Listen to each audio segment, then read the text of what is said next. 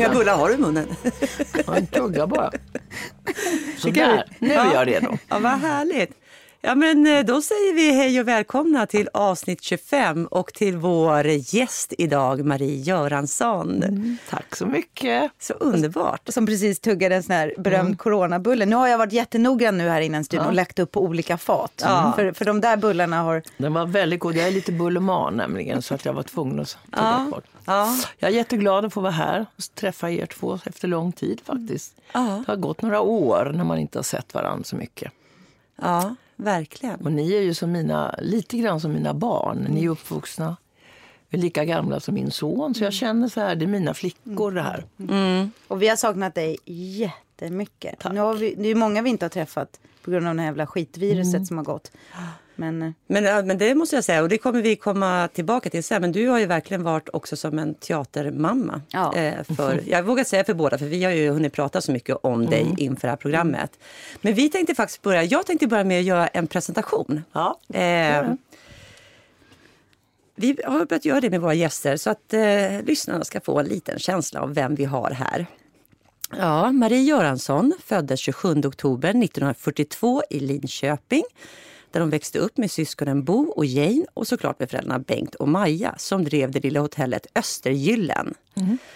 Som barn var du både ett vilt eller ett stillsamt barn. Det beror på vilket humör du verkar vara på eller vem som frågar. Men faktum är att du har både slagit ut tänder och brutit armar som barn. Att hoppa i höet i ladan men välja att landa på betonggolvet kan göra att armar bryts.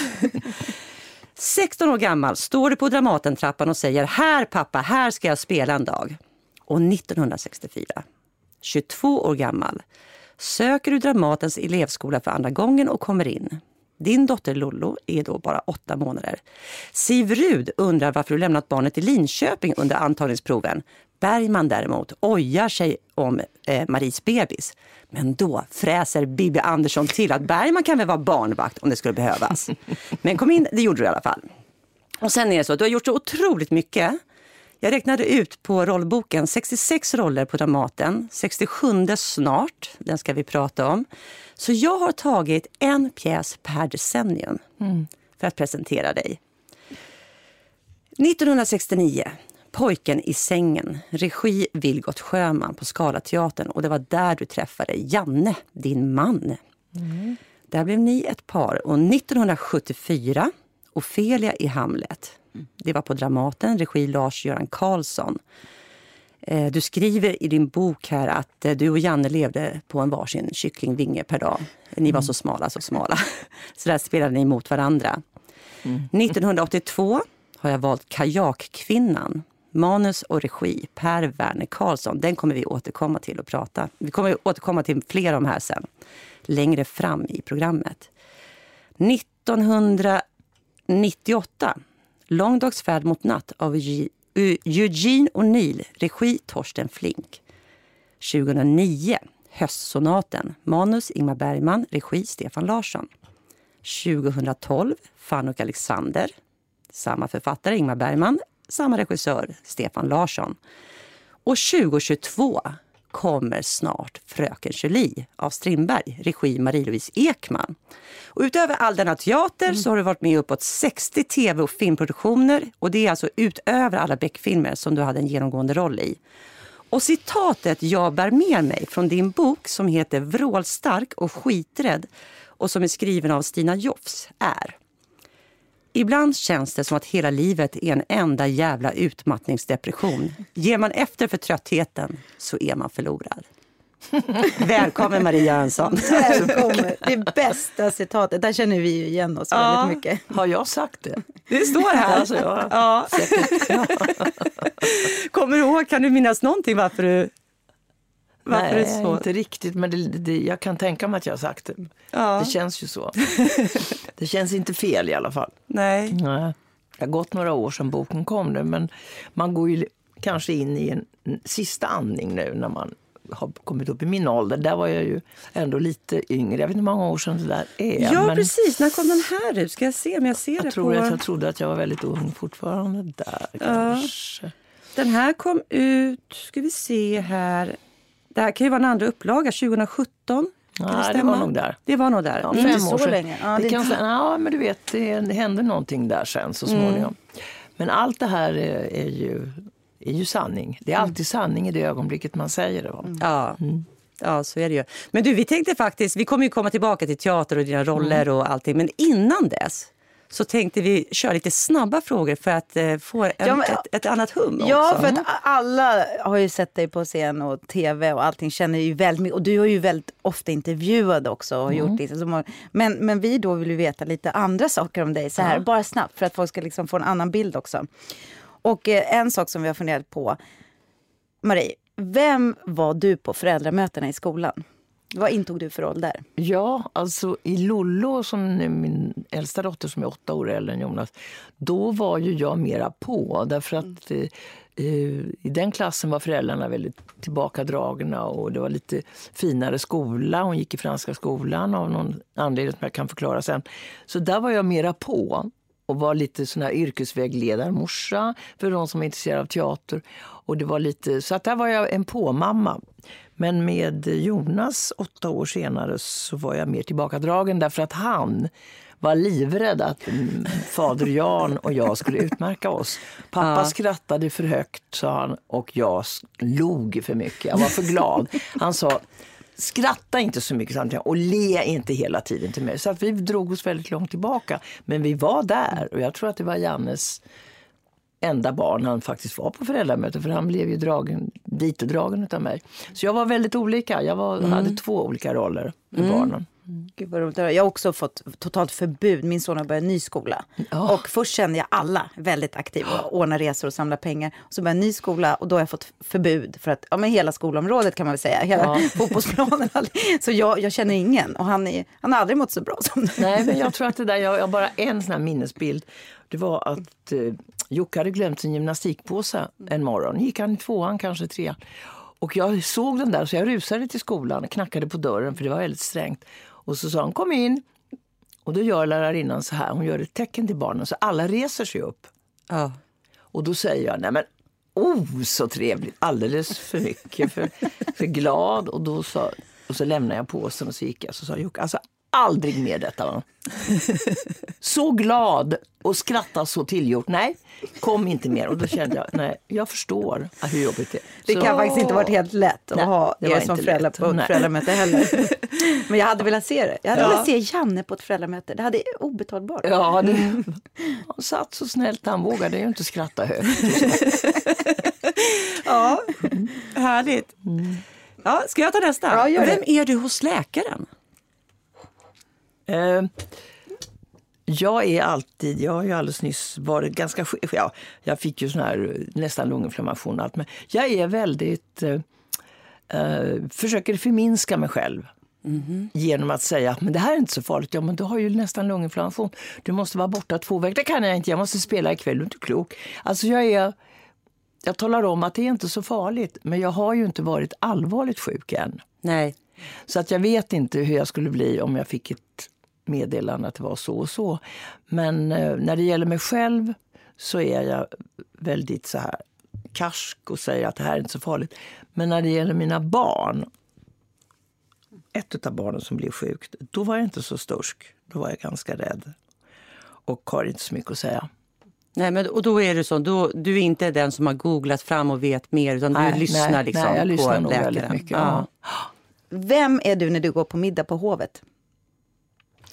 Jag har varit en gång på den här eh, som eh, folk blir bjudna på med jämna mellanrum. Och, eh, eftersom skådespelare inte har någon rang, vi är ju ranglösa. Och mitt över i vår trappa på Strandvägen bodde då en före detta hö- landshövding och hans fru Karin Fallenius, dötrevliga. Och de blev ju eld och lågor när vi skulle på det här och talade om precis hur man skulle bete sig och sådär.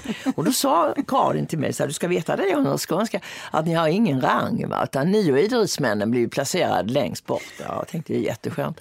Sen står vi där, man står i Vita havet och plötsligt så kommer en hord människor och gubbar som ska bjuda upp, eller damer som ska då tala om. Då säger jag till Janne, det var en liten man, han var en och en halv meter hög med massor med medaljer. Jag sa, honom får jag till bordet, jag vet det. Och det fick jag.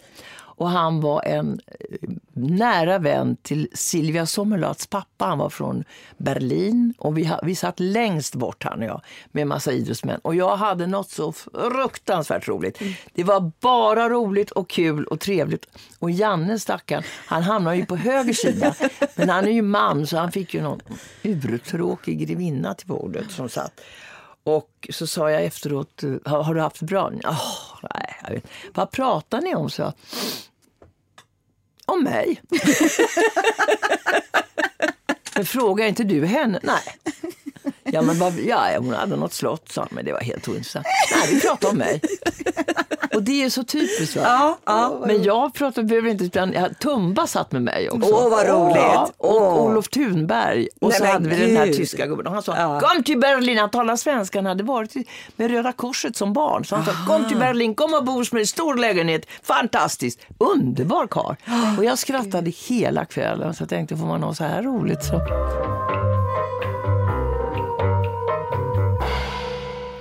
Ja, Marie, du repar just nu Fröken Julie. Ja. Med, och, och, du spelar mot Per Svensson, Christer Henriksson. Mm. Det är ni tre. Mm. Och Marie-Louise Ekman som regisserar. Ja. Men då måste vi fråga, har du någon assistent?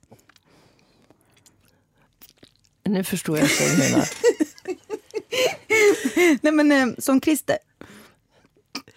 Så Christer har en assistent. Ja, ja, du menar att han har... Ja, ja. Nej, du vet, jag har aldrig haft någon assistent. Vi måste bara berätta för lyssnarna. Vi har skattat så mycket för att min sanning Maries motspelare Christer Henriksson har då uppenbart en assistent, vi känner ju henne, hon är påklädare, ja. som säger åt när han ska kissa, när han ska röka. Och då vill ju vi veta, har du också Jaha. fått? Hur hinner du med?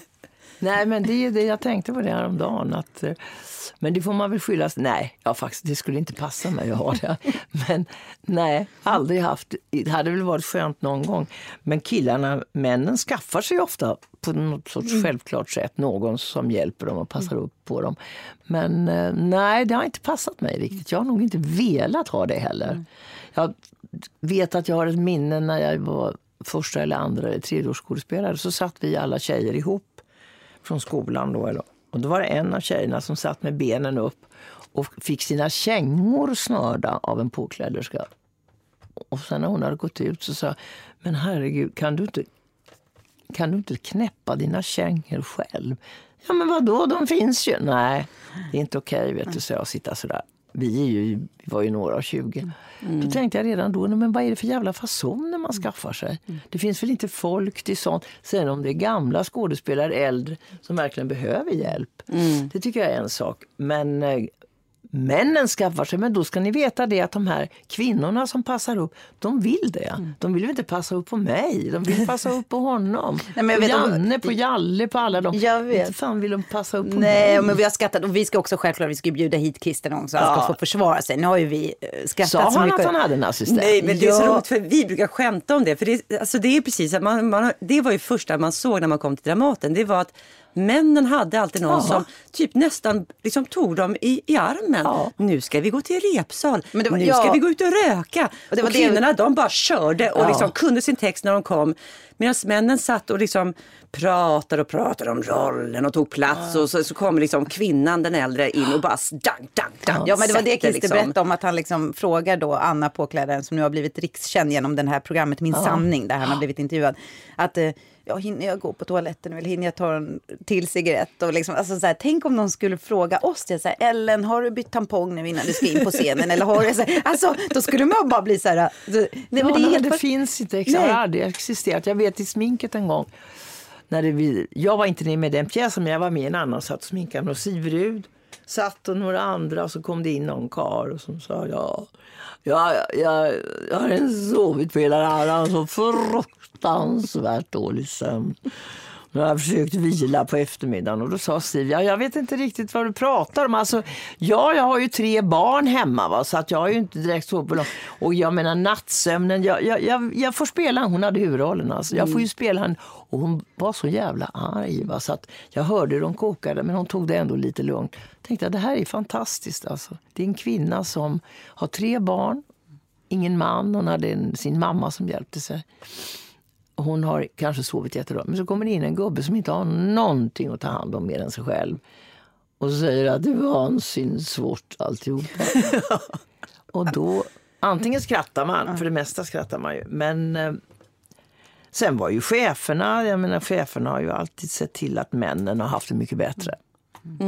Fått och då är det väl någon som säger ja, men de är så känsliga. Ja, det kanske de är. Jag är inte avundsjuk på dem, för jag vill inte vara sån. Och jag, jag känner nu när jag är så här gammal att jag är glad att jag inte har varit sån. Alltså. Jag vet, men ibland får jag lite dåligt samvete för jag har ju också en son och du har också en son. Att, för det är ju vi kvinnor som fostrar männen ju. Mm. Alltså, så här, och jag har ju alltid haft en bild på män som att Ja men de är ju skitgulliga och härliga men de är ju lite tafatta och svaga. Mm. Alltså jag har haft en nästan lite så att, jag har tyckt att kvinnor har varit mer kompetenta och det är ju inte schysst heller. Och nu håller jag ju på att uppfostra min son. Jag går ju, jag, jag, jag curlar ju honom så in i vassen, gör frukost. det gör alla kvinnor med Jag sina vet, och så det, jag känner så här, okej jag måste steppa upp nu också för jag vill ju att han ska bli en självständig man. Så att jag känner ju mig som en del i det här. Jag vet inte hur du tänker. Nej, men jag, jag tänker väl helt tokigt som alla andra. Alltså, Ja. Det är ju en servicegrej som finns i en, att man servar männen på ett annat sätt. Och jag har väl också varit med och kvittrat runt de här gubbarna på teatern. Jag har inte varit någon som har sagt ifrån. Utan jag är ju, jag menar alla Beck-filmer med, med Micke och Peter Haber. Jag älskar de två. Men jag kvittrade ju och servade. Och de kom ju på månaden och de mådde dåligt. Men jag såg ju till att de mådde bra. Alltså, vi älskar ju det uttrycket. Det, där, du, det har vi fått från dig. Eh, Vi hade faktiskt en fråga på det. Att kvittra runt. eh, Och sa, åh vad du ser fräsch ut idag. Ja men jag har så mycket. Ja men du är ju så snygg jag har aldrig varit så snygg. och så tänkte jag, vad är det? Men det är ju för att man vill bygga upp en bra stämning. Ja. Ja, så det är ju inte bara att man, ty- att man gör sig till utan det är också det här att det är viktigt att det är en bra stämning. Såklart, man vill ha någon bra att jobba mot. Men sen har du också så här, när slutade du att kvittra? För du, du har nämnt det, det är så jävla bra uttryck. Ja, jag slutade kvittra kanske för tio år sedan. Ja. Mm, jag kvittrar nog lite ibland ändå, men inte alls på samma sätt. Nej. Det gör jag inte, utan nu är jag mera... Jag försöker hålla, mm, hålla tillbaka lite för att det... Nej, jag är tio år sedan kanske. Ja, för det är skillnad på att kvittra och skapa god arbetsstämning. Det vill vi alla göra. Man Ja. vill ju se till att den man ska spela Men det är ju aldrig någon kar. Jag har aldrig träffat någon man som har hjälpt till för att skapa en bra stämning på morgonen. Nej, visst är det intressant? Det är Aldrig hört Det är alltid "Men vi gud", kvinnor man som- säger, jag är som- så trött idag, jag har haft det så jobbigt för det. Så, Jaha, säger de bara. Så fortsätter man. Det är ju ingen som säger, men gud du ser ju så fräsch ut Marie. Man kan ju inte tro att det är sant. Att du inte har så... Och jag menar, och, nej, men då ska vi hjälpa dig. Ska jag hämta lite kaffe åt dig? Vill du ha någonting till? Wienerbröd eller något? Ja. Aldrig, någonsin. Nej. Det Har faktiskt- aldrig förekommit på faktiskt 50 år att någon har sagt. Men har du inte märkt också när man inte kvittrar? För det, jag tyckte också att det var väldigt tydligt när jag började på Dramaten att det fanns ett kvinnokollektiv som just gjorde allt det här. Eh, och liksom såg till att, att alla mådde bra innan vi började repa så man hade god stämning. Sen när man bestämmer sig för att man inte gör det längre, då blir det ju också ibland, en, det uppstår som en förvåning i rummet. Ja. Det är som att rummet inte riktigt, men vad är det som händer? Jo, för kvinnorna kvittrar inte nu och då blir det lite tyst här i rummet. Har du märkt det? Jo, jo visst. Alltså, jag har ju bytt- ut kvittret mot att berätta roliga historier. Ah. Så munnen går ju ändå, men den kvittrar inte. Men jag berättar gamla teaterhistorier. För jag har ju så mycket i bagaget ifrån Janne och jag växte ju ändå upp i, precis i skarven när alla fanns kvar. Va? Så jag drar ju allt och då blir det ändå underhållning i rummet. Va? Då är jag stand-uparen på morgonen. Men det handlar ju inte om någon speciell person som jag ska Nej. serva. Utan då är det säkert för min egen skull också. För jag är egentligen i botten inte skådespelare, har jag kommit på. Jag är stand-upare. Det, det tror jag också. Ja, Men tror jag apropå, apropå de anekdoterna som vi alla älskar. Nu jobbar du med Marie-Louise Ekman. Och jag kommer ihåg när vi, du och jag gjorde det, då införde ju hon, eh, just för att då var det Örjan och så var det Marie och så var det, och, vad heter han nu igen? Nu fick jag säga min... I, i, i, försökskaniner? Ja, försökskaniner. Rolf Skoglund. Ro- Rolf Skoglund, ja. Och ni är ju fan, ni är så roliga så att vi vill ju verkligen bara spela in det. Men då sa Marie-Louise så här, nej, ni får först snacka och sen repar vi. Vad har ni för regler nu? Nu Har ni fick ett anekdotförbud? Ja, ni, vi fick anekdotförbud, eller ni fick det, det var ju framförallt du och Örjan. Hur, och nu har du ju Henriksson på nacken också. Och Hur, hur går, hur, vad har Nej, men vi, nu har, vi tar nog en, en vi, vi, börjar lite tidigt. Vi, vi tar en halvtimmes stand-up. Va? Och sen så... Innan reptid eller på reptid? innan reptid. Sen sinar Hon är smart, hon har inkluderat det Marie-Louise. Ja, Ja. sina, brunnen sinar ju sen ett tag och så sätter man igång. Men eh, jag låg här om kvällen jag inte kunde sova så låg jag och tänkte på är jag skådespelare egentligen? Alltså det här man börjar tvivla på sig själv och Mm. komma till det stadiet. Är jag liksom inte egentligen bara en arbetshäst som... Det här är frågor som kommer till sig. Är jag en bluff eller är jag... Nej, tänkte jag, det är jag inte. För jag är egentligen en stand-upare alltså. Mm. I botten är jag det. Jag fick ju ett erbjudande när vi gjorde den här Allt faller med Gardell och Reborg och alla dem. Och de sa Kom till Norra Brunn.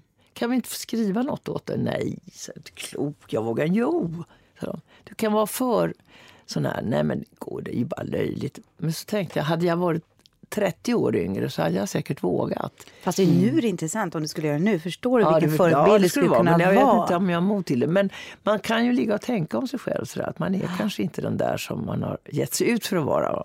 Ja. Den dramatiska skådespelerskan med lång dag. Allt. Det kanske bara är en bluff. Men det är klart att det inte är en bluff, det är bara att du vill göra något annat också. Ja men precis, Alltså, du så har tänker ju- jag mer. Ja, det är Bluff inte så- är du inte, men jag förstår, du återkommer till det i boken också. Och alltså, och det är själv, så, så känner ju alla vi skåd, skådespelare. Alltså man har ju perioder där man tänker att de kommer se igenom, när, när kommer de på bluffen? Eh, den är ju där hela tiden. Jag, men, jag, jag, jag tror också snarare att det, att det är mycket fler saker som man skulle vilja se dig göra eller som du vill, Ja. som finns kvar. Ja, fa- fast det är inte så mycket tid. nej. Jo, men vadå? Det är, nej men ja, alltså hundra, hundra är väl, det kan Ja, du väl Ja, bli i alla är fall. ju bra. Ja, alltså, Ja, men det vore ju kul, stand-up.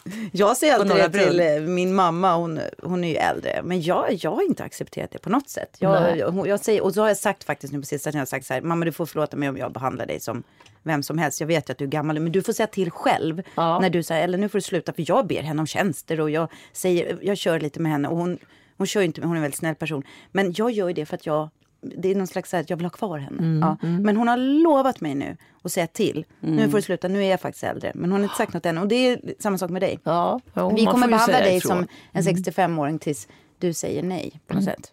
Det är bra. Ja, Det, det är väl bra. är accept, vi accepterar inte ditt Men du, jag måste bara fråga, Marie-Louise Ekman Ja. jobbar du med nu.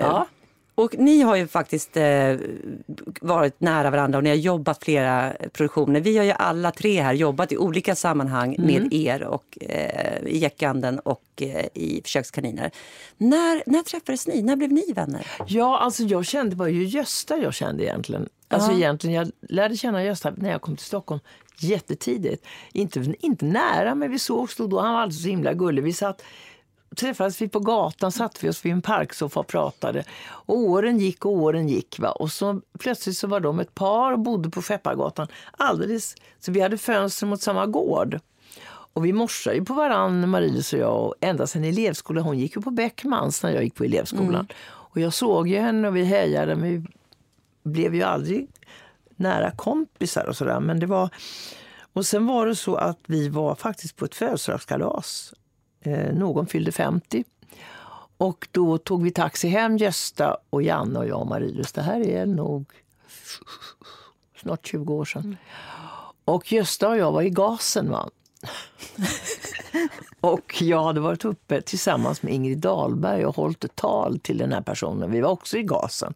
Rejält i gasen allihop. Men i taxibilen hem, när vi hoppade ur där på Skeppargatan, så gjorde Gösta och jag någon sorts show ihop. Va? Alltså improviserade och Janne och Marie stod bara och stirrade där och skrattade så att de vek sig. Och vad vi gjorde vet jag inte än i denna dag. Men vi var uppenbarligen väldigt roliga. Och vi ja, höll på att kompa varann på olika sätt. Och jag sjöng och dansade och det gjorde vi. var sån här Fred Astaire va? Och Ginger Rose, antagligen skitdåligt men roligt. Sen dröjde det inte länge förrän hon tar kontakt med mig och säger att jag har en pjäs som heter Jackanden. Hon hade skrivit den på någon månad och sa, kan inte du läsa den? För nu har jag fått blodad tand. Så enkelt var det. Jaha, så det var Jäckanden som Det var var, eran... Där var jag ju regiassistent. Ja. Jag var ju gravid med Jag mitt vet, andra jag barn. vet. Så jag hade försökt räkna ut hur gammalt ditt minsta barn var nu. Ja, det här var mellanbarnet måste det vara. För första var... Eller var det? Nej, vänta, det här är sista Nej, barnet. Ja, sista. ja det Ja. har du rätt i. Herregud. Hon är född 2007. Ja. Och jag fick ju lunginflammation sista två veckorna. Precis. Det är sån här graviditetslunginflammation för att ungen var Hon är alltså fyller 15. 15. Ja, men det blev ju nära kontakt och det var ju då på den premiärfesten. Var du med på premiärfesten Nej. på Gäckanden? Du kom aldrig då? Eller hade du fått barn? Eller? Det kan ha varit att jag hade fått barn då. Ja, jag, eller så då- låg jag och födde just då Ja kanske. visst, och då var det Gösta var ju medregissör också. Mm, till. Och det var ju gam- innan vi byggde om lilla scenen. Mm. Så kom, eh, vad hette, ha, tappade jag namnet, fackordföranden då, eh, vad hette han? Eh, jag- Limpan? Limpan Ja, kommer till Limpan. mig och säger, stod med något glas och sa, du, ska man inte fråga om, om de två vill bli chef?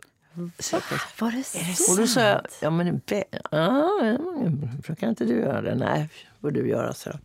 Mycket bättre att det kommer från det. Då säger Limpan, ja, vi bara skåla och tacka. Vad jävla. Han hade ju gett, alla fick ju varsin flaska champagne. Och det var, vi tänkte höra om, ja, vi, vi har en önskan. Och det är att um, Marie-Louise och Gösta, om ni vill vara par eller skulle kunna tänka er att bli nästa chef här på Dramaten. Och Gösta sa aldrig i livet. Marie-Louise har ju varit chef på Konsthögskolan. Nu ska det inte vara mera cheferier Men här. var det på han. middagen framför, alltså som en skål? Så att Ja, alla hörde? så det bara blev så. Wow. Men sen så gick jag hem och tänkte, men det där var ju ingen dum idé alltså. Och sen var det då ansökningar och det skulle ju pratas då om en ny chef och så vidare. Och så jag, jag faktiskt ringde upp Marie och sa nej, nej, nej, nej, nej för fan, absolut. Du vet att jag har kvar ett halvår på Konsthögskolan och Gösta är så trött på det här nu med chefseri så det, bara glöm det, sa han, bara glöm det. Ja. Men det gjorde inte jag, för jag vet ju att det var många som sökte. och det var... Sen var vi hemma hos dem. Lennart Hjulström, Gunilla Nyros som hade varit med i Ja, Jackanden. exakt. Janne och jag och Gösta Maris. Och käkade middag. Och sen vi pratat om allt. Men sen har vi beställt taxi, vi ska åka. Och så gör man som man gör. Så går vi ut och genom så där ut i hallen. Och så säger jag till Marie-Louise, men du. Vad fan, sista ansökningsdagen är ju imorgon. Ska du verkligen, ska du verkligen låta det här gå dig spårlöst förbi? Ja, men alltså... Han är... Ja, så precis innan jag ska gå in till honom så sa han... Ja, ja, jag ringer väl då. Nej. Då ringde jag upp den här Fredrik och sa, nu har vi på tråden, sa jag. Va? Fredrik var han som skulle rekrytera? Ja, eller? jag sa, hugg tag nu, va? för det finns ju en chans. För jag kände ju att hon... Och då hade Gösta sagt till henne när vi hade gått, vill du det här? För det är ju inte säkert att man får ett jobb för att man Nej. söker. Men skulle det bli... Ja, så det är något i det som ändå... Ja, men gör det då, sa han. I så fall. Mm. Och sen blev det att hon sökte och så fick hon. Så det var ju precis i sista sekund. Va? Men vi kände både Limpan och jag att och det var väldigt viktigt för mig att Limpan var den som hade, alltså att han fanns med va? Ja, som ja. faktiskt, därför att de älskade ju henne. Va? Mm. Och hennes sätt att arbeta och den hänsyn hon tog. Så det var väldigt viktigt att inte bara föreslå någon så där utan vidare som är lite glassigt namn. Utan att hon hade precis det som de gillade, killarna och tjejerna.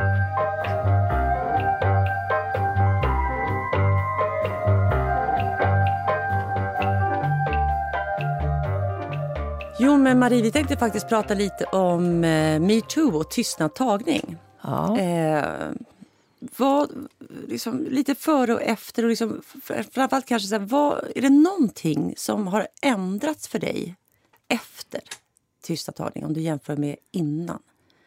Och, eller någon förändring som du tycker så här, men det här är den stor, största förändringen? Mm, ja, alltså den största förändringen som jag kan se omkring mig och som jag kan känna själv, det är ju att det finns ett större mod nu. Va? Kvinnor är litar på varann och man vet att om det händer något så har man ett stöd. Det visste man ju inte innan, tror jag. Men eh, den riktigt det där som jag hade hoppats på, att det skulle bli en större skillnad eh, eller en större likhet mellan mäns och kvinnors behandling. Den har ju definitivt inte kommit. Men metoo stod ju för något speciellt. Det stod ju för en sorts...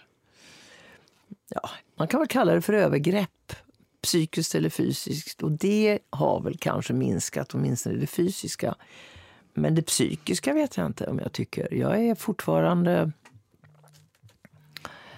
Alltså jag kan ju verka väldigt modig och vet vad jag tycker och tänker i många lägen. Men jag kan nog säga att jag vid min höga ålder och efter min långa erfarenhet fortfarande har en viss rädsla för män, alltså deras sätt att vara och kliva fram och klompa fram. Och dessutom så är det ju så att de är fysiskt ofta väldigt starka och deras röster är mycket större än vad våra är, alltså rent fysiskt också.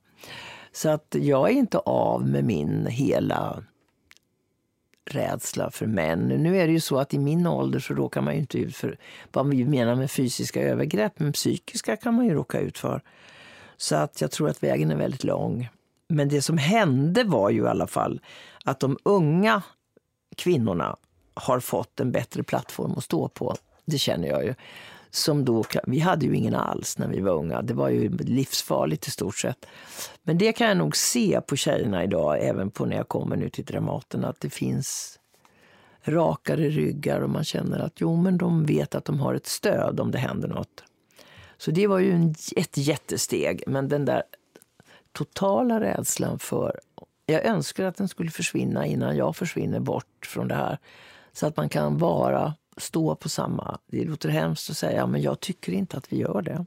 Det kanske är väldigt personligt hos mig, men eh, jag, jag är lite skraj för män fortfarande faktiskt. Och är det då liksom utifrån din bara erfarenhetsbank som du har med dig från att du var väldigt ung så att den här rädslan sitter kvar? Eller är det att det fortfarande händer saker där du känner att Nej, men nu blir ju rummet så här igen? Ja, både och.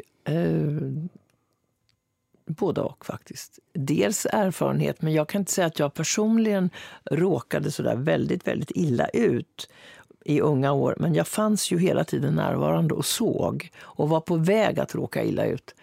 Men klarade mig ju ganska bra av den enkla anledningen att jag var ju gift väldigt tidigt. Mm. Jag var ju bara 21 år med Lars Amble och då var, då var ju inte jag ett sånt...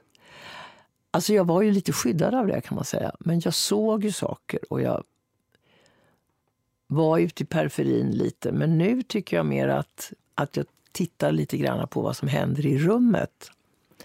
Och det är ju eh, fortfarande så att de här herrarna tar alldeles för mycket syre, tycker jag, och för mycket kraft. Och det tror jag blir svårt att komma bort ifrån. Jag vet inte hur det ska gå till, men... Eh, och jag är också en av dem som står där och låter dem ta den kraften och den syren. Jag, jag kan inte du kan inte säga någonting utan att ha en ordentlig anledning. Man kan inte bara skrika rakt ut. Att, håll en lägre profil. Mm. Tänk på att det finns unga kvinnor i rummet som blir rädda. Tänk, att, tänk på att vi också måste komma till tals. Därför jag pratar ju jämt, så de skulle ju skratta ihjäl som jag skulle säga det. Men jag kan ju se hur andra tar det och andra blir behandlade. Och jag tror att jag pratar väldigt mycket för att jag har varit väldigt rädd. Det tror jag är mitt vapen. Det är att jag pratar mycket, berättar mycket roliga historier, eh, kasserar väldigt mycket rädsla med att ha lätt för att prata. Va? Så att, eh, ja, rädslan finns där trots allt. Trots detta fantastiska som hände, för det var fantastiskt att se alla dessa kvinnor, så är jag förvånad över att jag fortfarande har kvar den där eh, rädslan. Rädsla kanske inte är rätta ordet, men eh, försiktigheten när det gäller män. Mm. Men, men ja, du tycker så otroligt så. Jag tror att du har varit med om mycket mer än jag till exempel och blivit mycket sämre behandlad av män eh, under så lång tid. Ja. Så jag förstår att det sitter, men jag ska ge dig lite hopp ändå. För att Eh, det började ju metoo såklart med att man pratade om sexuella övergrepp och så. Mm. Men på Dramaten i alla fall och även på andra arbetsplatser. Nej, nu pratar jag om Dramaten. Det är det mm. jag känner till. Så övergick det ganska snabbt till att vi pratade om beteenden. Det var inte så mycket så här, men hur många sexuella trakasserier har vi haft nu? Och så här, nej, men det handlar om något annat. Det handlar om makten i rummet. Det handlar mm. om otryggheten i rummet. Och, för jag hade jättesvårt i början. Jag tyckte det var så jobbigt i början av metoo. Jag tyckte det var jobbigt att de filmade vår trappa hela tiden. Jag tyckte, var, jag tyckte att vi hade påbörjat ett arbete mm. på Dramaten innan. Jag, jag tyckte det fanns så mycket bra. Jag fick ju lära mig mycket under den här resan. Det har jag ju pratat om förut i podden. För jag är också så här, även om inte jag pratade hela tiden så har jag haft, jag har ju varit så bra på att svara emot killarna. Och Mm. Om de kör ett snuskigt skämt så gör jag ett ännu snuskigare skämt och så har jag fredat mig eller avsexualiserat mig med humor på något sätt som har funkat. Men jag har inte varit jätteutsatt heller så att så svårt har det inte varit. Men jag fick ju lära mig att se precis det du nämner också. De andra tjejerna som inte kunde det. Jag tänkte varför gör de inte det bara? Varför gör de inte bara som jag? Liksom? Och den läxan fick jag lära mig. Nej, nej, nej, nej. nej. Ja, och den var jättenyttig. Men vad vi har gjort på Dramaten, för jag tror ändå att det har blivit så mycket bättre. För att vi pratar ju även om, om allas beteende. Om, och, och vi har ju pratat om mitt beteende i del också. För jag kan ju vara... Eh, jag kan ju själv vara ha beteende som inte är okej för mina känslor. Eller, men liksom så här, så att, eh, Du tog upp en händelse tog upp här en som du händelse gjort, där jag du hade- faktiskt blev uppkallad sen till producent och regissör. ja, för, för det är det som händer nu. Så här, du, du flipp, eller flippade. Du, du, jag lät du blev, min osäkerhet eller känslor gå ut över rummet. Och då blev jag uppkallad och då, vi redde ut det. Och, det var, och då kommer nästa steg i det här. att som, Även som kvinna kan jag göra fel. Och jag får ju jätteångest när jag gör det. Det händer inte så ofta. Bla, bla, bla. Men så vi har ju, det har ju verkligen gått framåt på teatern. Jag tycker att vi har skapat trygga rum. Men jag hoppas att det har hänt saker. Jag tror att det har gjort det. Att det har hänt mycket bra saker va, med den här. Men fortfarande så tycker jag att, eh, att eh, kvinnor måste ta större ansvar och ta mer plats i rummet helt enkelt. Och inte vara så... Det är lätt att man vill vara behagfull va? Mot de här gubbarna, om de är unga eller gamla. Men vi måste släppa den biten tror jag om vi ska komma vidare. För du skriver ju själv i din bok att du har väldigt mycket temperament själv. Och där tänker jag väl kanske att du gör lite lika. Har du någon gång själv känt så här, nej men nu var jag kvinnan i rummet som skapade dålig stämning. Eller nu gjorde jag någonting. Ja, det har jag absolut gjort. Och har det förändrats efter? Ja, man är ju, jag är mer observant på... Jag är som sagt var en praterska. Va? Och eh, där kan man ju ta för mycket plats. Men jag tror att jag har varit väldigt observant på att inte ta att inte hoppa på någon i sitt arbete. Va? Det konstnärliga arbetet till exempel. Det är oerhört förnedrande om någon gör det. Och det, det är väldigt få kvinnor som gör det, har gjort det, som säger ska du göra det så där och det där kan du inte göra. Vet du.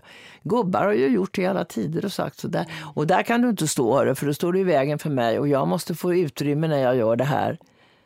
Du ju nästan aldrig en kvinna säga. Nej. Det har man fått höra. My- Gud vad man har fått Mm, mycket stå inte elakhet. där nu för fan, utan flytta lite på det hör, så att du inte... Det är väl det som jag har tyckt har varit svårast och jobbigast. Och det är också en sorts övergrepp det här med att man inte får skapa sitt arbete eller sin roll färdigt. Utan innan man är på halva vägen så får man höra att där får du inte stå, där får du inte stå. Och då blir man ju rädd till slut. Man blir väldigt, väldigt osäker. Så att, eh, men det är ju, händer ju inte nu, idag. För då säger jag ju bara dra åt helvete, här ska jag stå. Ja. Även om du säger att du är osäker. Vi kom in på teatern när du faktiskt redan hade... Du var ju verkligen mogen då. Du Mm. tog plats. Du har ju, apropå pluff, puffa in tjejer, så det har ju du faktiskt...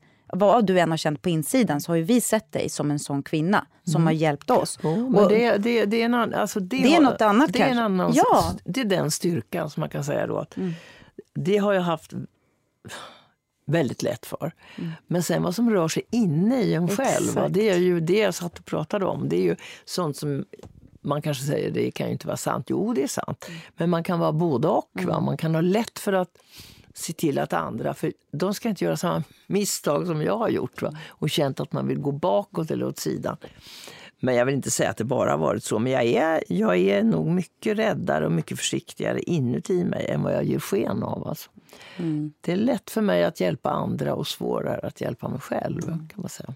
Ja, och, och det är så himla bra att du säger det. Därför att vi, vad man signalerar utåt, du behöver ju också stöd och hjälp Ja, och en kram visst. av andra. Men jag tror att jag i alla fall ofta den bilden, man, Marie, du- men du liksom, hon fixar biffen och är självständig, för du, fixar ofta så här, Ja. men jag älskar när du ehm, visar Ja, men det här, alltså något annat som... Ja. Jag känner så men gud, nu vill jag hjälpa dig. För vi har ju vänt oss så mycket till dig för Ja, hjälp. ja. Förstår du vad jag Mm, menar? ja, men gud, det är liksom, alltså- Men du gav du, du lärde mig, alltså så här, det här kanske inte är samma sak, men jag, för det här, vi har ju unga kvinnor nu, som vi vill ju också, nu vill ju vi vara de som säger kom igen, nu hjälper jag dig. Eh, det är någon slags stafettpinne. Så här. Och eh, då repeterade vi Måsen, det var första gången du och jag jobbade ihop. Och det var Mm. första gången jag var i ett så här stort sammanhang med stora namn. Och, liksom. och då satt vi och diskuterade. Och även, jag var inte så himla ung, men jag var oerfaren. Det är ju olika saker. Och eh, då det, det var, gick höga toner och diskuterades. Och så, så, sa jag, jag sa väl någonting. Och, eh, och så sa du till mig, ja, ja, ja. Så, så, och jag vet inte fan varför, men jag blev liksom... Jag hade väl förväntat mig att du skulle behandla mig med lite mer silkesvantar bara för att mm. jag var ny. Så här. Och jag vet inte, jag började typ grina, så här, för jag blev väl rädd på något sätt. Så här. Men då kommer jag ihåg att du sa så bra, så, för då sa du till mig så här, vet du vad, jag kommer inte behandla dig annorlunda för att du är ny. Liksom. Och en sak ska du veta, om du sticker ut hakan, då kan du få en smäll. Det där har jag burit med mig jämt på ett bra sätt. Och nu försöker vi lära de unga det. Ja. Just att liksom, jag behandlar dig lika. Mm. Alltså, och, och, om du ska ha en åsikt här, för det är ju nämligen det vi har sett att så himla mm. många unga tjejer, så fort de får en motstånd så börjar de gråta. Mm. Det är okej okay att gråta, man får gråta, men man får inte göra det för att komma undan. Nej. Eller hur? Och då sa du det, om du mm. sticker ut hakan så kan du få en smäll. Och det vill jag tacka dig för. Den, det har jag burit med mig. ja, men, ja, jag måste också bara säga, alltså, det vet, hoppas jag att du vet, men du var ju en otroligt viktig mentor för mig. När jag verkligen hade stora frågor så var det dig jag sökte till. Och du sa några saker som, som också var så här, bland annat sa du så här, nej men sluta, eh, sluta, alltså du var inte så engagerad i allting. Kommer ihåg att jag var med liksom i representantskapet, konstnärrådet. Man var den här duktiga flickan. Sluta vara så duktig, sa du. Mm. Koncentrera bara på ditt jobb. Och det gjorde jag från den stunden, från mm. den fikan så gjorde jag det och det blev sån enorm skillnad. Ja, det bra. blev den här frigörelsen som du pratade om innan. Det frigjorde mig på någonting till det sceniska arbetet. Ja, men det är ju jättebra att det blir, för det finns ju många kvinnor som har de här tendenserna att engagera sig för mycket utanför det som är fokus egentligen. Mm. Det är väldigt bra egenskap, men det är sällan man stöter på killar och män som gör det. Va? De är ju mm. otroligt fokuserade på det de ska göra. Så att det är bra.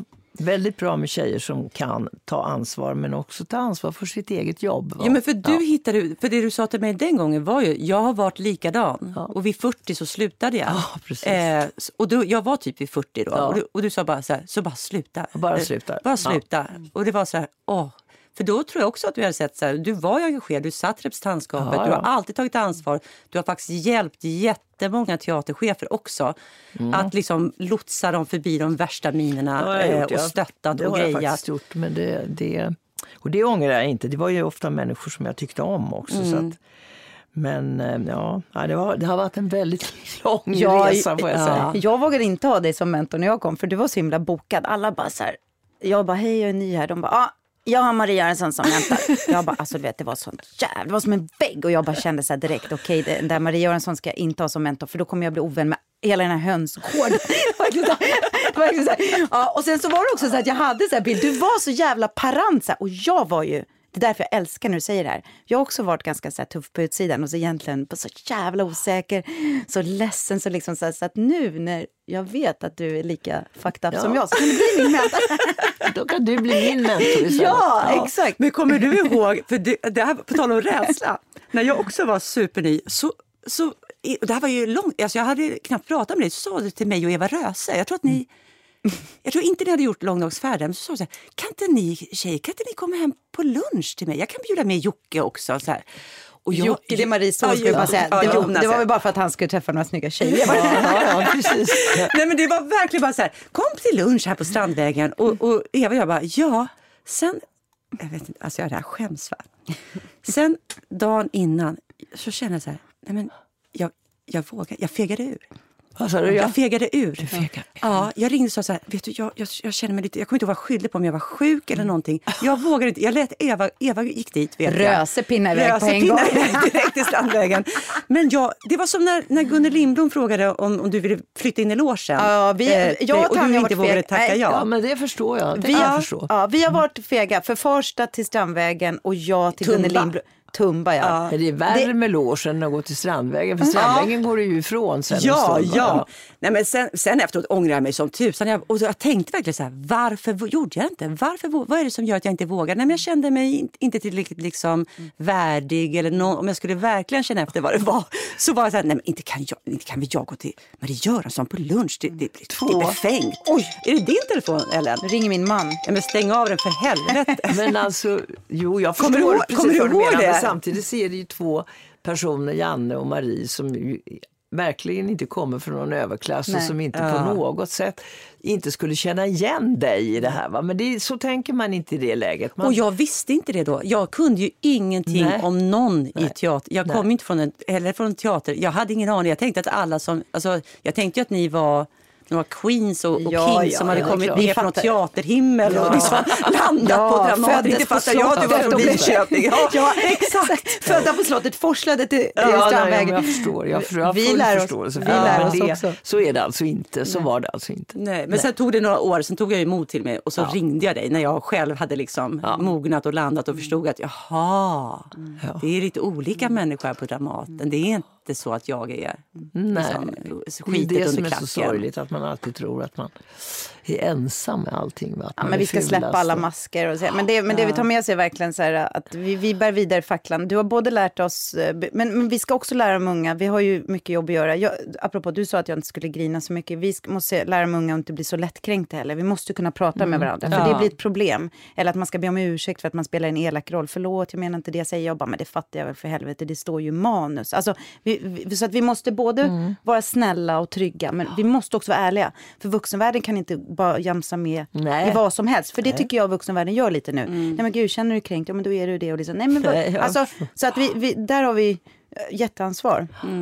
Så vi tar med oss jättemycket.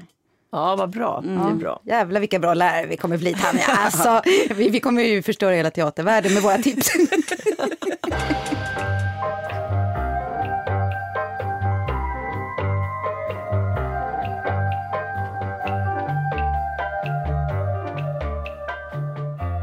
Ja, men vi vill ju verkligen prata om din teaterkarriär också. Det går inte att, och, och då när vi har läst både din bok och den här föreställningen har vi tyvärr inte sett. Men du jobbade väldigt tidigt med Per Werner Karlsson. Ja.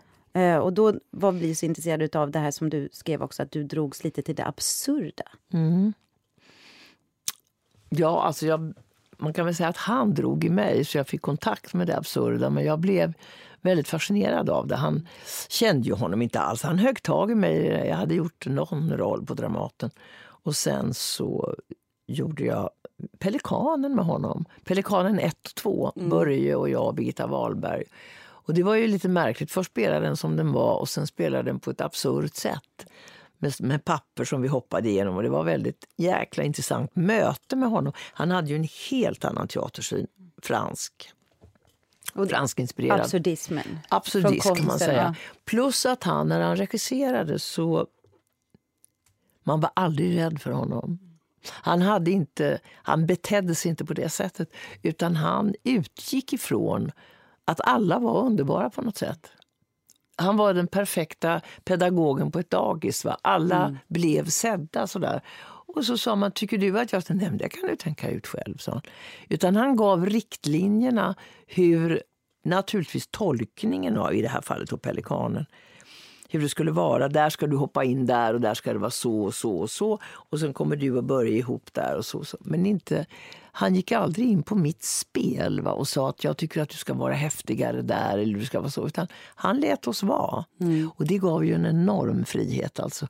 Sen gick det några år, jag jobbade med med lite andra. Sen kom ju det här ögonblicket när han hade skrivit Kajakkvinnan. Och då hade han ju också skrivit en pjäs till Stellan Skarsgård. Ensam man och jag var ensam kvinna. Och när jag fick det här manuset så fick jag en sån chock. Jag såg att de skrev om Susanne Marco i DN igår. Hon har ju skrivit nu en opera. va? Hon var med på vår kollationering på Kajakkvinnan. Jag tänkte jag skulle ringa upp henne. För att vi var... Man var som en fågelholk. Jag tänkte bara, nej men det här går inte. Det här kan jag aldrig få i mig. Ja, det, är en lång, det är en lång monolog som är dessutom, det finns lite text, eh, liksom, bitar i din bok och man förstår hur Enormt. Det handlar ju om en kvinna som lämnade hemmet och som rodde kajak och som berättar sitt liv. Och som har en stor bokhylla som jag ska bygga under tiden med brädor som låg runt om. Så var det tre musiker då. Var ju Nisse Sandström, Red Mitchell. Det var ingen dåligt komp. Va? Red Mitchell som bara hade kompat eh, de här Betty, eh, vad heter hon, Holiday, Billie Holiday och någon Lite liksom från jazzhållet. från jazzhåll. Och så var det ja, tre fantastiska. Som Per Werner var ju jazzexpert, hade lyckats locka till den här produktionen. Och det var Pöysti som var chef och jag slet med den där texten och jag tänkte att jag kommer att bli sinnessjuk va, för att det är för mycket. Mm.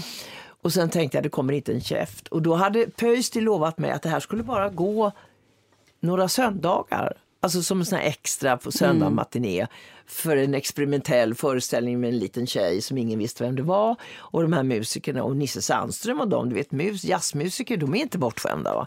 Så jag sa till Nisse att det kommer inte komma någon folk där. Men vad fan, sa Nisse. Och på Broad när vi spelade där i Harlem, det kom till kanske åtta pers. Vet du. Och Red Mitchell, han är ju van. Ja, ja, då blev jag lugn och tänkte, nej men gud vilka killar alltså. Och så jobbade vi för det där. Men då visade Per Werner lite andra. Han, jag ville stryka några ställen för det, det var för massa. Nej, det ville han inte. Mm. Och då blev han så arg en dag så då var han hemma och var sjuk. Det var dessutom olympiad då så han var ju väldigt idrottsintresserad. så jag kunde inte skilja på om det var OS eller om det var jag. Nej. Men eh, då var Erland Josefsson chef, tror jag, när vi gjorde Kajakkvinnan. Ja, det var han. Så han ringde honom och sa att nu får du komma ner. Mm. För nu står hon ju där och musikerna. Han, hade ju, han var ju väldigt labil, Per Werner. Väldigt labil. Men han kom ner då. Sen hade vi premiär. Och det blev en braksuccé. Va? Alltså brak, va? Mm. utan att man begrep ett jävla ord. Och så kom folk till kassan och sa hade ju inte sålt någonting. Så vi skulle ha en biljett med den där lilla flickan. ja. Men är en helt annan föreställning eh, Långdagsfärd mot natt som jag nämnde i början. Ja. Den måste jag nästan ta upp för den är, tycker jag, så episk. Eh, mm, mm. Jag tror att jag såg den två eller tre gånger.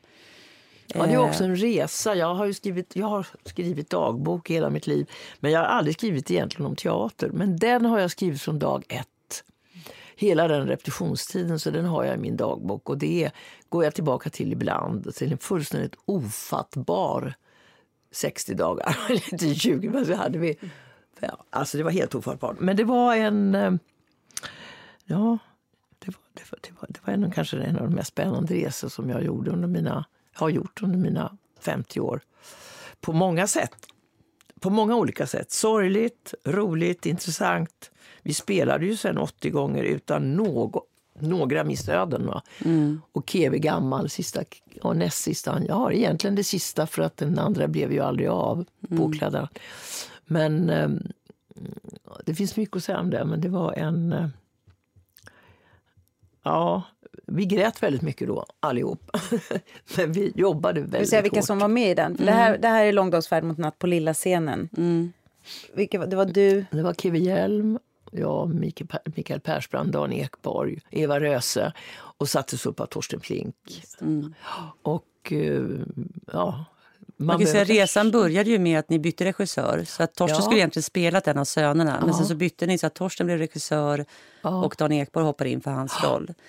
Men det, det kanske är någonting...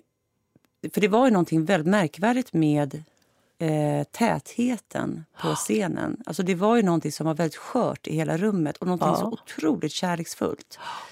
Eh, Torsten har lagt in också det här brevet. Ja. Till, eh, alltså han, har lagt in, han ju lagt in en text. Mm. För den är inte med i originalpjäsen, eller hur? Nej, och den här dansen som var mellan Micke och Ja, herregud vad grät. Ja, mm. men det var, han jobbade ju väldigt intuitivt och intuitivt. Men där ska jag säga att Staffan Roos hade vi de första tre veckorna där. Och han har ju, var ju fantastiskt begåvad på text. Mm. Så den textanalysen som Staffan stod för där var otroligt värdefull för mig och Keve i alla fall. Sen bytte vi av olika skäl och det var ju med hans goda minne för att Staffan Roos orkade inte med det här och då gjorde vi det här bytet. Därför Torsten var ju villig att göra regin och så tog vi in Dan. Men det arbetet som Staffan Roos hade gjort innan, det var i alla fall för mig, och jag vet att det var det för Kevi också, var oerhört värdefullt. Alltså. I det på med jobbet som fortsatte sen. Sen fanns det ju då mycket elände och missbruk och sova och trötthet och allt möjligt. Men vi där var jag stark. Mm. Där var jag riktigt stark. För att om, eh, det, det, kan jag säga utan... Hade jag inte stått på mig då så hade vi lagt ner det. Mm. Men vad, för jag tänker så här, vad, du var ungefär i vår ålder då? Kan det stämma? Jag var 55 när ja, jag blev... mm. och, och jag är 40, Jag är 48. 50. Ja, ja, men för det är ju den 54 här... eller 55. Jag var det var precis då alltså jag mitt- började, jag såg också den. Det var då jag liksom kom in på scenskolan. Det var då jag började följa dig från den pjäsen. Jag hade jag inte vet gått så mycket på jag kände då att nu har jag, nu har Ja. jag, det här måste fortsätta. Va? Och, det var ju, och Keve var ju så gammal, och han, inte gammal, han var 75 men han hade ju eh, lite krämpor och så ont i sina knän och han hade ju varit med om en nerlagd långdagsfärd tidigare. Så han sa ju hela tiden att jag vill inte vara med om det en gång till. Den kommer inte att läggas ner Keve, sa jag. Vi kör här nu. Och vi grät och vi jobbade och slet och Ingrid Dahlberg satt i salongen. Tänk er en chef som sitter i 14 dagar i salongen mellan halv elva och tre. Mm. Hon satt vakt. Och jäklar vad han jobbar bra Torsten. Och vi, och hon satt där. Och jag vet inte om hon skrev något annat men hon satt alltså där. Va? Och eh, sen blev det då till slut premiär. Och premiären gick ju fantastiskt och sen var vi bjudna upp i lunchrummet. Och vi var inte så många. Då säger Ingrid till mig, skynda dig på att klä om dig Marie så tar vi ett glas champagne. Vi var ju helt slut va? på mitt rum. Och det gjorde vi och vi tog både ett och två. Och sen klev vi upp i lunchrummet. Då sitter gubbarna på plats. Där sitter KV, Dan Ekborg, Torsten och Micke.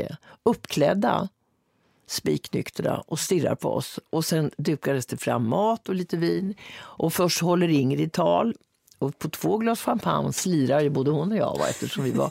Och sen ska jag hålla tal och slira rätt bra. Killarna har inte rört en droppe. Tänk er det gänget. Då hör jag hur Torsten säger till Micke med skräck i stämman. Micke, Marie verkar full. Teaterbarnen, mamma är full. Nej, men alltså, då kände jag bara så här, "Fy fan vad bra. Ja. Vi hann före, Ja. Ingrid och jag. Vi hann före.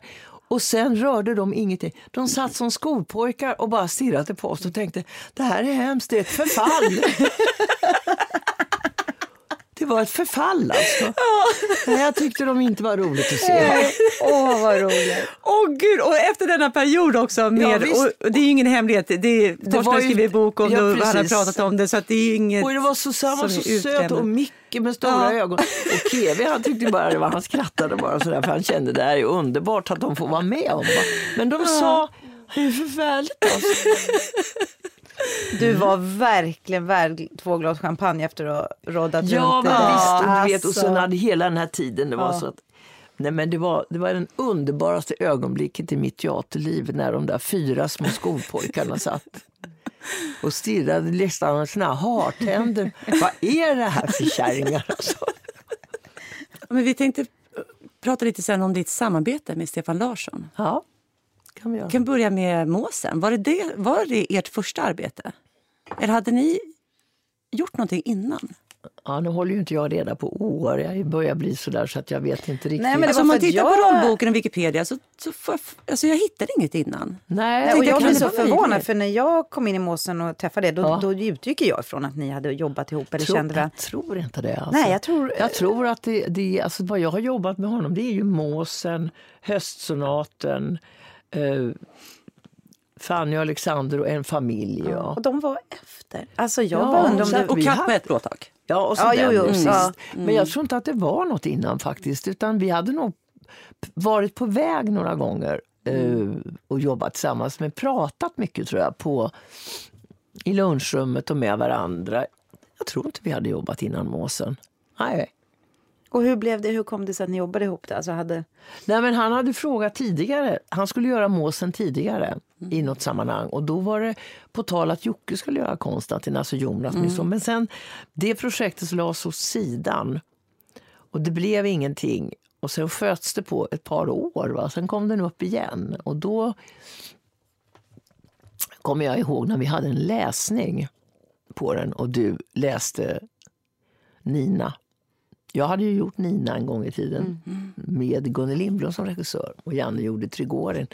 Så det hade väl gått i alla fall, då var jag ju 35, det hade väl gått 25 år kanske. Så kommer jag ihåg att eh, vi sa allihopa, jäklar vad bra hon är den där tjejen alltså. Oj, vad glad Ja, nej, men du hade en sån där du vet, naturlighet. Och, ja, det, var, det, kommer jag, ja, det kommer jag väldigt väl ihåg när vi gjorde. Men sen, ja, så var det ju allt det här med Micke mycket som hände. Det hände ju mycket även där. Mm.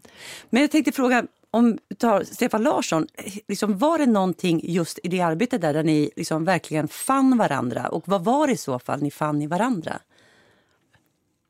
Vad ja, fann du i honom? Jag tror jag, jag kan se om jag kan formulera det. Jag, jag upp, eh, upptäckte då att jag träffade på en regissör, jag vet inte vad som hade hänt mig innan, men som hade eh, eh, vissa likheter med Bergman, nämligen det som var det bästa med Bergman när jag jobbade med honom i Fröken det var att han hade ett, ett speciellt intresse av att regissera mig, alltså i den rollen. Va? Så att det inte var sådär allmänna grejer. Och det tyckte jag att Stefan hade väldigt mycket, att han såg vad jag hade för potenser i den rollen. Va? Och det tycker jag är väldigt bra när regissör och intressant. Och inte bara största allmänhet, hur ska arkaderna spelas och ska det och det. Utan att det fanns ett speciellt intresse för mig som skådespelerska. Det tyckte jag att jag upptäckte hos honom då och det blev jag väldigt intresserad av. Och det kom ju vidare sen i Höstsonaten. Och, eh, han var ju en väldigt bra personinstruktör tycker jag. Alltså, hade... ja, jag tycker det är så otroligt roligt att du nämner just eh, Bergman därför att du, jag har läst och du har berättat förut att eh, jag älskar också det. Det är flera uttryck som jag mm. har snappat upp från det. Det där klivet. Du säger att du har tagit ett kliv. Ja. Och det gjorde du med Bergman. Ja. Och I Fröken Julie. I Fröken Julie. Och klivet då, menar, nu säger jag till lyssnarna, betyder liksom att man tar ett steg framåt i någon som kräver något av en. Ste Stefan har ju varit en person för mig. Ja. Han, och det var i Måsen. Men sen fortsatte det i andra fina samarbeten. Och då kommer ju det rakt nedstigande från Bergman. För han var ju den som sa till mig, för jag tror också att absolut, jag hade någon slags superbra eh, talang, men han bara, säg det bara rakt, mena vad du säger. Alltså han, han gav mig det där klivet, han krävde jättemycket av mig. Ja. Så att eh, jag förstår precis vad han, för mig var han jätteviktig. Eller är ja, det är viktig. Stefan vi talar om. Ste nu pratar jag om. Stefan. Mm. Men han fick ju det från Berg mm. Du fick från Bergman och jag fick från mm. Stefan. Men det, det, är ju det där som man ska försöka, ska försöka förklara då mm. för andra skådespelare. Det är säkert olika för alla. Mm.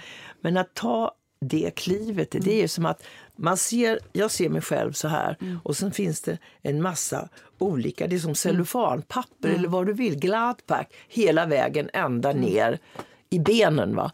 Och det finns massor med skikt som du ska igenom, mm. men inte vågar. Mm. Mm. Och alla skådespelare, tror jag, utan undantag, vet precis vad det handlar om. Mm. Men vågar inte ta klivet. Va? Därför att det är så jäkla obehagligt.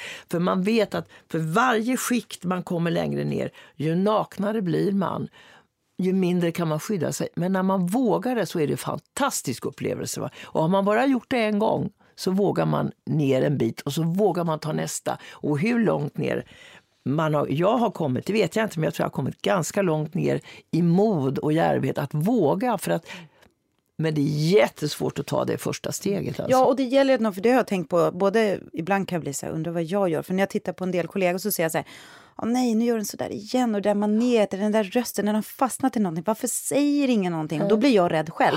Undrar vad jag gör som mm. ingen jävel säger ja, och tänker. gör man ja, som ingen säger. Jag vet. Och då har man ju några regissörer som man vet alltid kommer tala om för en. Och då förhoppningsvis på ett sätt som man kan ta emot. Det, är inte, alltså, ibland har det, det gör ju ont att få höra det, men man vill ju att någon ja. ska se. För det är som du säger, det är potensen. Det är ju ett förtroende att Stefan ser, eller Bergman såg. Jag vet att du kan du kan ta det här många steg till. Ja. För du har det, du har bara inte vågat kliva. Men Nej. jag tror att det behövs någon ja. utifrån som säger jag kommer ta emot dig. Det kommer göra lite ont, ja. men jag kommer vara där och du, du kommer upptäcka den här euforin när du ja, gör det. Precis. Men de är fan inte många. Nej, jag, jag, jag brukar be regissörer, snälla säg åt mig, ser du någon manér, gör någonting, ta bort det. Det är jo, men det, är också, det bygger också på, nej, men det bygger också på att de antingen har sett den på scenen eller har jobbat med den förut. Ja. För jag kan ju använda mig av ett trick som är så här skitbra. För mm. den där mm. regissören vill ha precis det. Det är bara det att han eller hon vet inte att det där har jag kört fem, sex gånger. Mm. Publiken är trött på det, alla andra mm. serier. Så att det gäller att man lär känna varandra. Det är därför det är så underbart att få jobba flera gånger med regissör. Ja, Då kan man komma närmare. Men må, ja, måsen var jättebetydelsefull för mig såklart. Och, Men du har jobbat sen ju flera gånger med Stefan. Mm. Känner ni att ni liksom kan... För ni måste ju, tänker jag då, liksom just få det här större och större tilliten till varandra. Ja. och större. Känner du att du liksom har kunnat då via den resan ta det här ytterligare, de här cellofanpapperna du ja, pratar eller, ja, Jag vet hur långt jag har tagit dem men jag känner ju att jag har ett förtroende för honom att lotsa mig vidare. Va? Att det inte stannar upp. Sen eh, vet jag inte riktigt hur pass långt det blev, var gånget. Jo, men alltså, han lägger ju en väldigt bra grund för den om man vågar använda sig av den sen. Det tycker jag.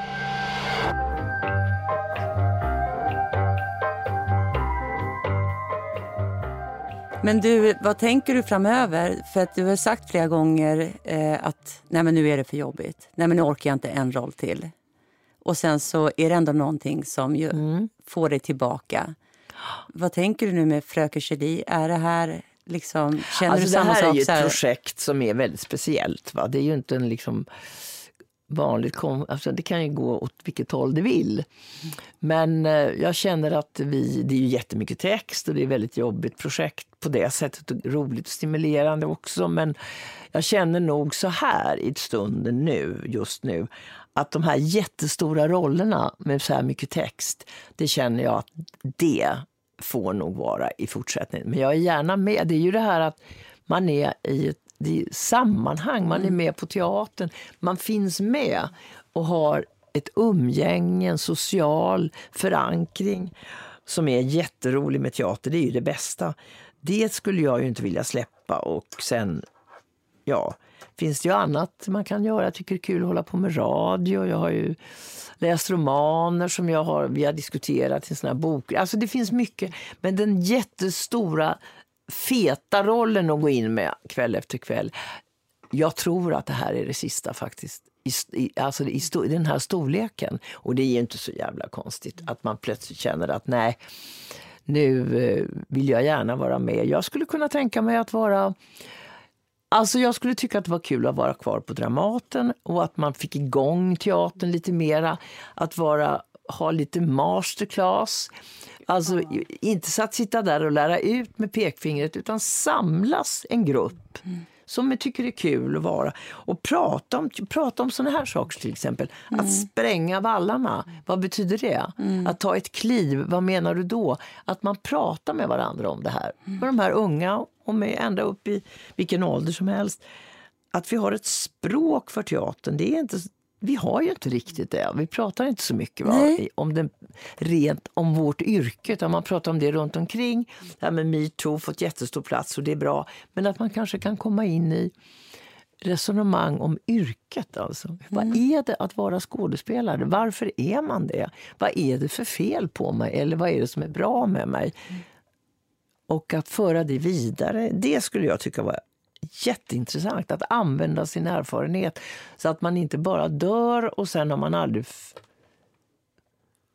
formulerat sig tillsammans med andra människor, ungdomar, äldre också. Men jag tror att vi behöver det. Vi behöver ett språk. Och att den här rädslan för jobb kommer att försvinna lite grann då för de här unga. Att de känner att ja, men det här, här finns det någonting att gå vidare med. Ja. Så det är väl en av de saker som jag skulle känna, skulle tycka var roligt. Och det kan man ju inte vara ensam om. Då måste man ju ha sådana som er och andra som tycker att här, så kan man vara en stabil grupp och så tar man in folk och så pratar man fritt utan rädsla och utan pekpingar. Men det, jag har saknat det här språket, alltså. Teaterspråket, måste jag säga.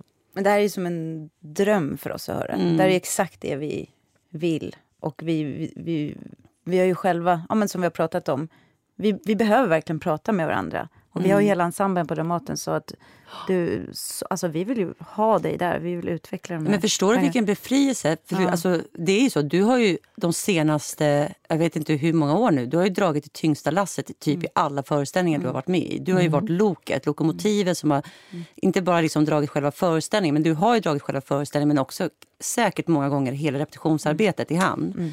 Tänk dig vilken otroligt lättnad att gå in och göra en mindre roll och Ja, se någon ja, annan visst, dra det där jävla lokomotivet. det är och det. bara njuta och gå in och göra, bara sätta den där lilla... Ja men och vad rolig du är. Insatsen. Du är så rolig bakom scen så det är kul. Jo, Det är alltså- där vi ska börja filma, det är där standupen kommer. Stand-upen, Så att egentligen ja. blir det två produktioner, en Åh, bakom gud, scenen, Marie ja. stand-up.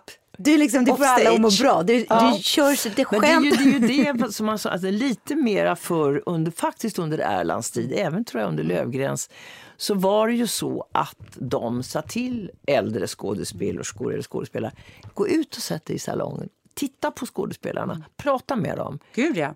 Och det och jag, Siv Rud gjorde ju det väldigt mycket. Och det fanns andra, Jan-Olof, Anita Björk, Ja. eh, Maggan Krook någon gång. Alltså det här att man pratar om en scen. Alltså det är inte fråga om att man ska få dålig kritik. Utan bara, som Ulla Sjöblom följde ju mig ganska mycket från elevskolan. Och hon hade då, det här är ju tusen år sedan, sett Hamlet och så ringde hon upp mig och hade sett den. Och så sa hon, ja det är Ulla Sjöblom från Mariatorget. Åh gud, tänkte jag. Ja. Och så, hörru du, eh, man kan inte leva på utstrålning hur länge som helst. Nej, får du börja jobba förstår du, för du dippar ju varenda replik. Va? Så, ja, alla slutord försvinner åt helvete, så det där får jag jobba på. Så. Och sen jag la jag på och tänkte jag, fan ska man börja jobba nu igen när man har liksom varit skådespelare i två år? och jag började ju tänka på det där, där satt ju smäcken i ansiktet. Va? Så jag började titta på mina repliker i Hamlet. Och det var ju mycket sådär överdrivet. Solen skiner och fåglarna sjunger verkligen. Va? Det får jag också alltid höra. Och då började jag jobba på det där och lyfte upp de där orden mer och mer och mer och försökte verkligen förstod att det här är inte bra. Va? Så här får det inte vara. Och eh, sen gick det två år och så ringer hon. Jag hade träffat henne på teatern och så, här, så sa jag, är Maria från Mariatorget, Ulla. Så roligt att se. Ja, nu dippar du inte längre, det är bra, hej då. det är pedagogik, va? att följa någon och se vad gör hon nu av det här. Då? Det skulle man också behöva göra. Va? Gå ut och sätta sig i salongen. För det här är ju inget elakt. Va? Nej. Utan det här gör hon för att hon tycker det är kul att följa den där tjejen som hon hade. Och nu håller hon på dippar varenda replik. Alltså, Så man hör ju inte hur fåglarna sjunger en enda gång på hela kvällen. Och det där är ju det där är väldigt vanligt. Men är det, där har jag, jättes, det har jag saknat jättemycket faktiskt. Jag har gjort flera stora roller nu som jag hade önskat, önskat, önskat att några, och jag har till och med bett några Ja. utav de som är äldre skådespelerskor, kan du inte komma och titta? Och så här. Men ingen har kommit och tittat. Vi hade verkligen, helst vill jag ju då ha beröm såklart, alltså det vill säga, men eh, det är ju alltså skämt, men, men, men att få den där feedbacken, men bra Ellen, du är på rätt väg. Eller Ja. så här, jag, hade, jag har verkligen Men det där tror jag är jätteviktigt att få in i teaterns arbete så att det inte blir så nu kommer någon till mig och jag är jättedålig. Nej, det är inte frågan om. Det är ingen Nej. tävling. va? Det är ingen idrott. Idrotten, då tävlar man. va? Springer 60 meter på 8 och 4. Det är ingen snack om. Då är man bra. va? Men det här handlar inte om det. Det handlar om helt andra saker. Att man hjälper varandra med språket, med Vissa vänder upp hela ansiktet in mot så när man pratar istället för att försöka få ut repliken så.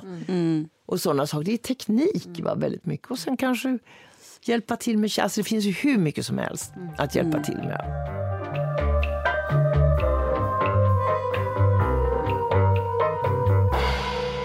Ja, Marie, nu, nu händer det. Nu har du kommit till lekstugan här. nu ska vi leka. Vi brukar ibland eh, utsätta våra gäster för någon liten lek och eh, vi har olika varianter. Men den här varianten du ska få göra, då är det att du, vi kommer köra lite snabba frågor och då ska du välja det ena eller det andra.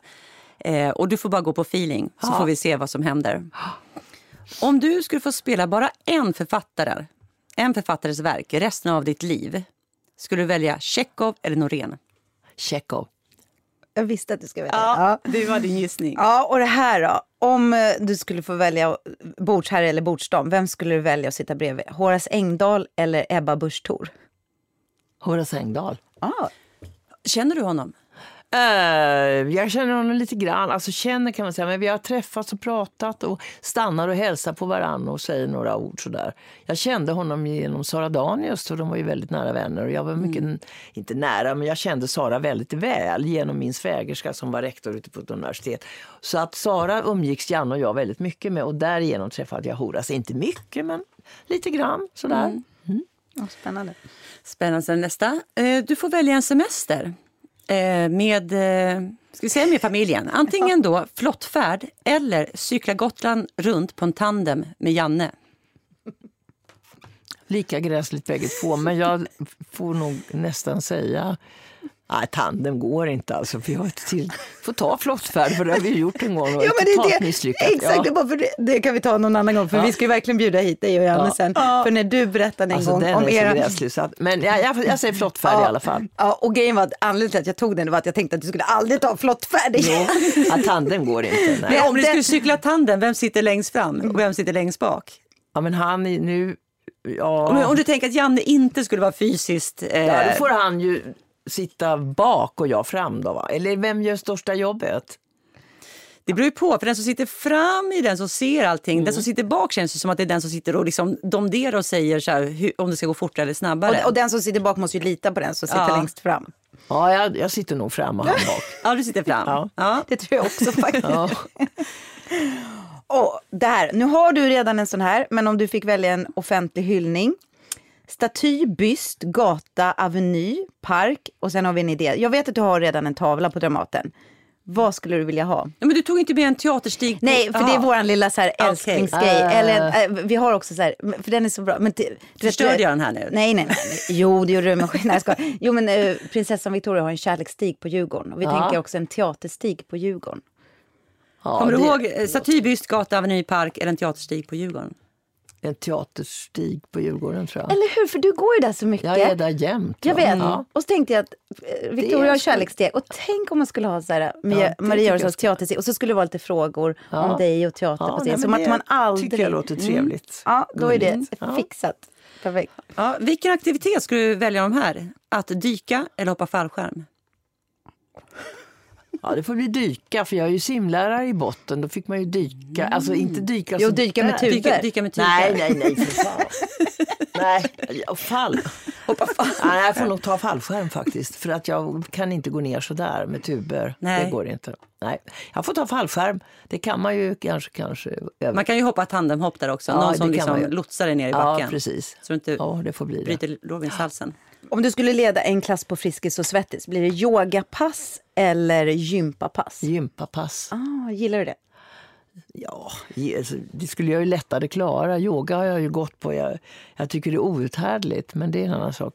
Vad är det som är Ja, outhärdligt? det, i jag vet inte, det är någonting med yoga som triggar igång mina felnerver på något sätt. Va? Alltså jag, blir, jag gick en yogakurs eh, och jag blev, jag blev faktiskt sinnessjuk ja, på det. Så jobbigt tyckte jag det var. Fruktansvärt alltså. Det- Men då sa Lollo att det var nog fel sorts kurs jag gick. Det finns ju så mycket med yoga. Va? Men nej, vanligt gympapass, ja. Jag brukar säga att det är farligt med den där meditation. Man kan ju få kontakt med sitt inre. Det Ja. vill väl ingen jävel ha. Nej, nej men det var, det var jobbigt. Det var för jobbigt. Ja, men jag får också lite panik när jag är på Ja. yoga faktiskt. Det, det, det är någonting. Ja, om du får välja teaterchef eller ensemblechef på Dramaten.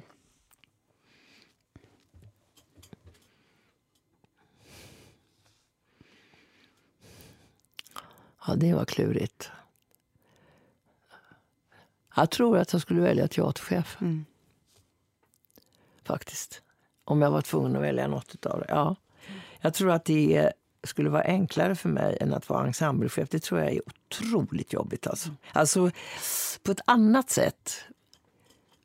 Nej, nej jag, jag, jag skulle välja teaterchef.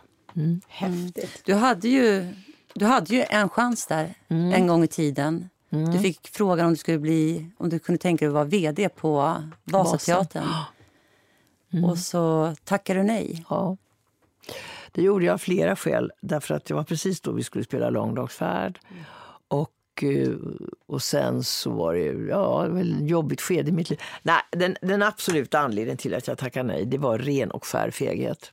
Hade de frågat mig fem år senare, jag var fem, när jag var 60, så hade jag definitivt tackat ja.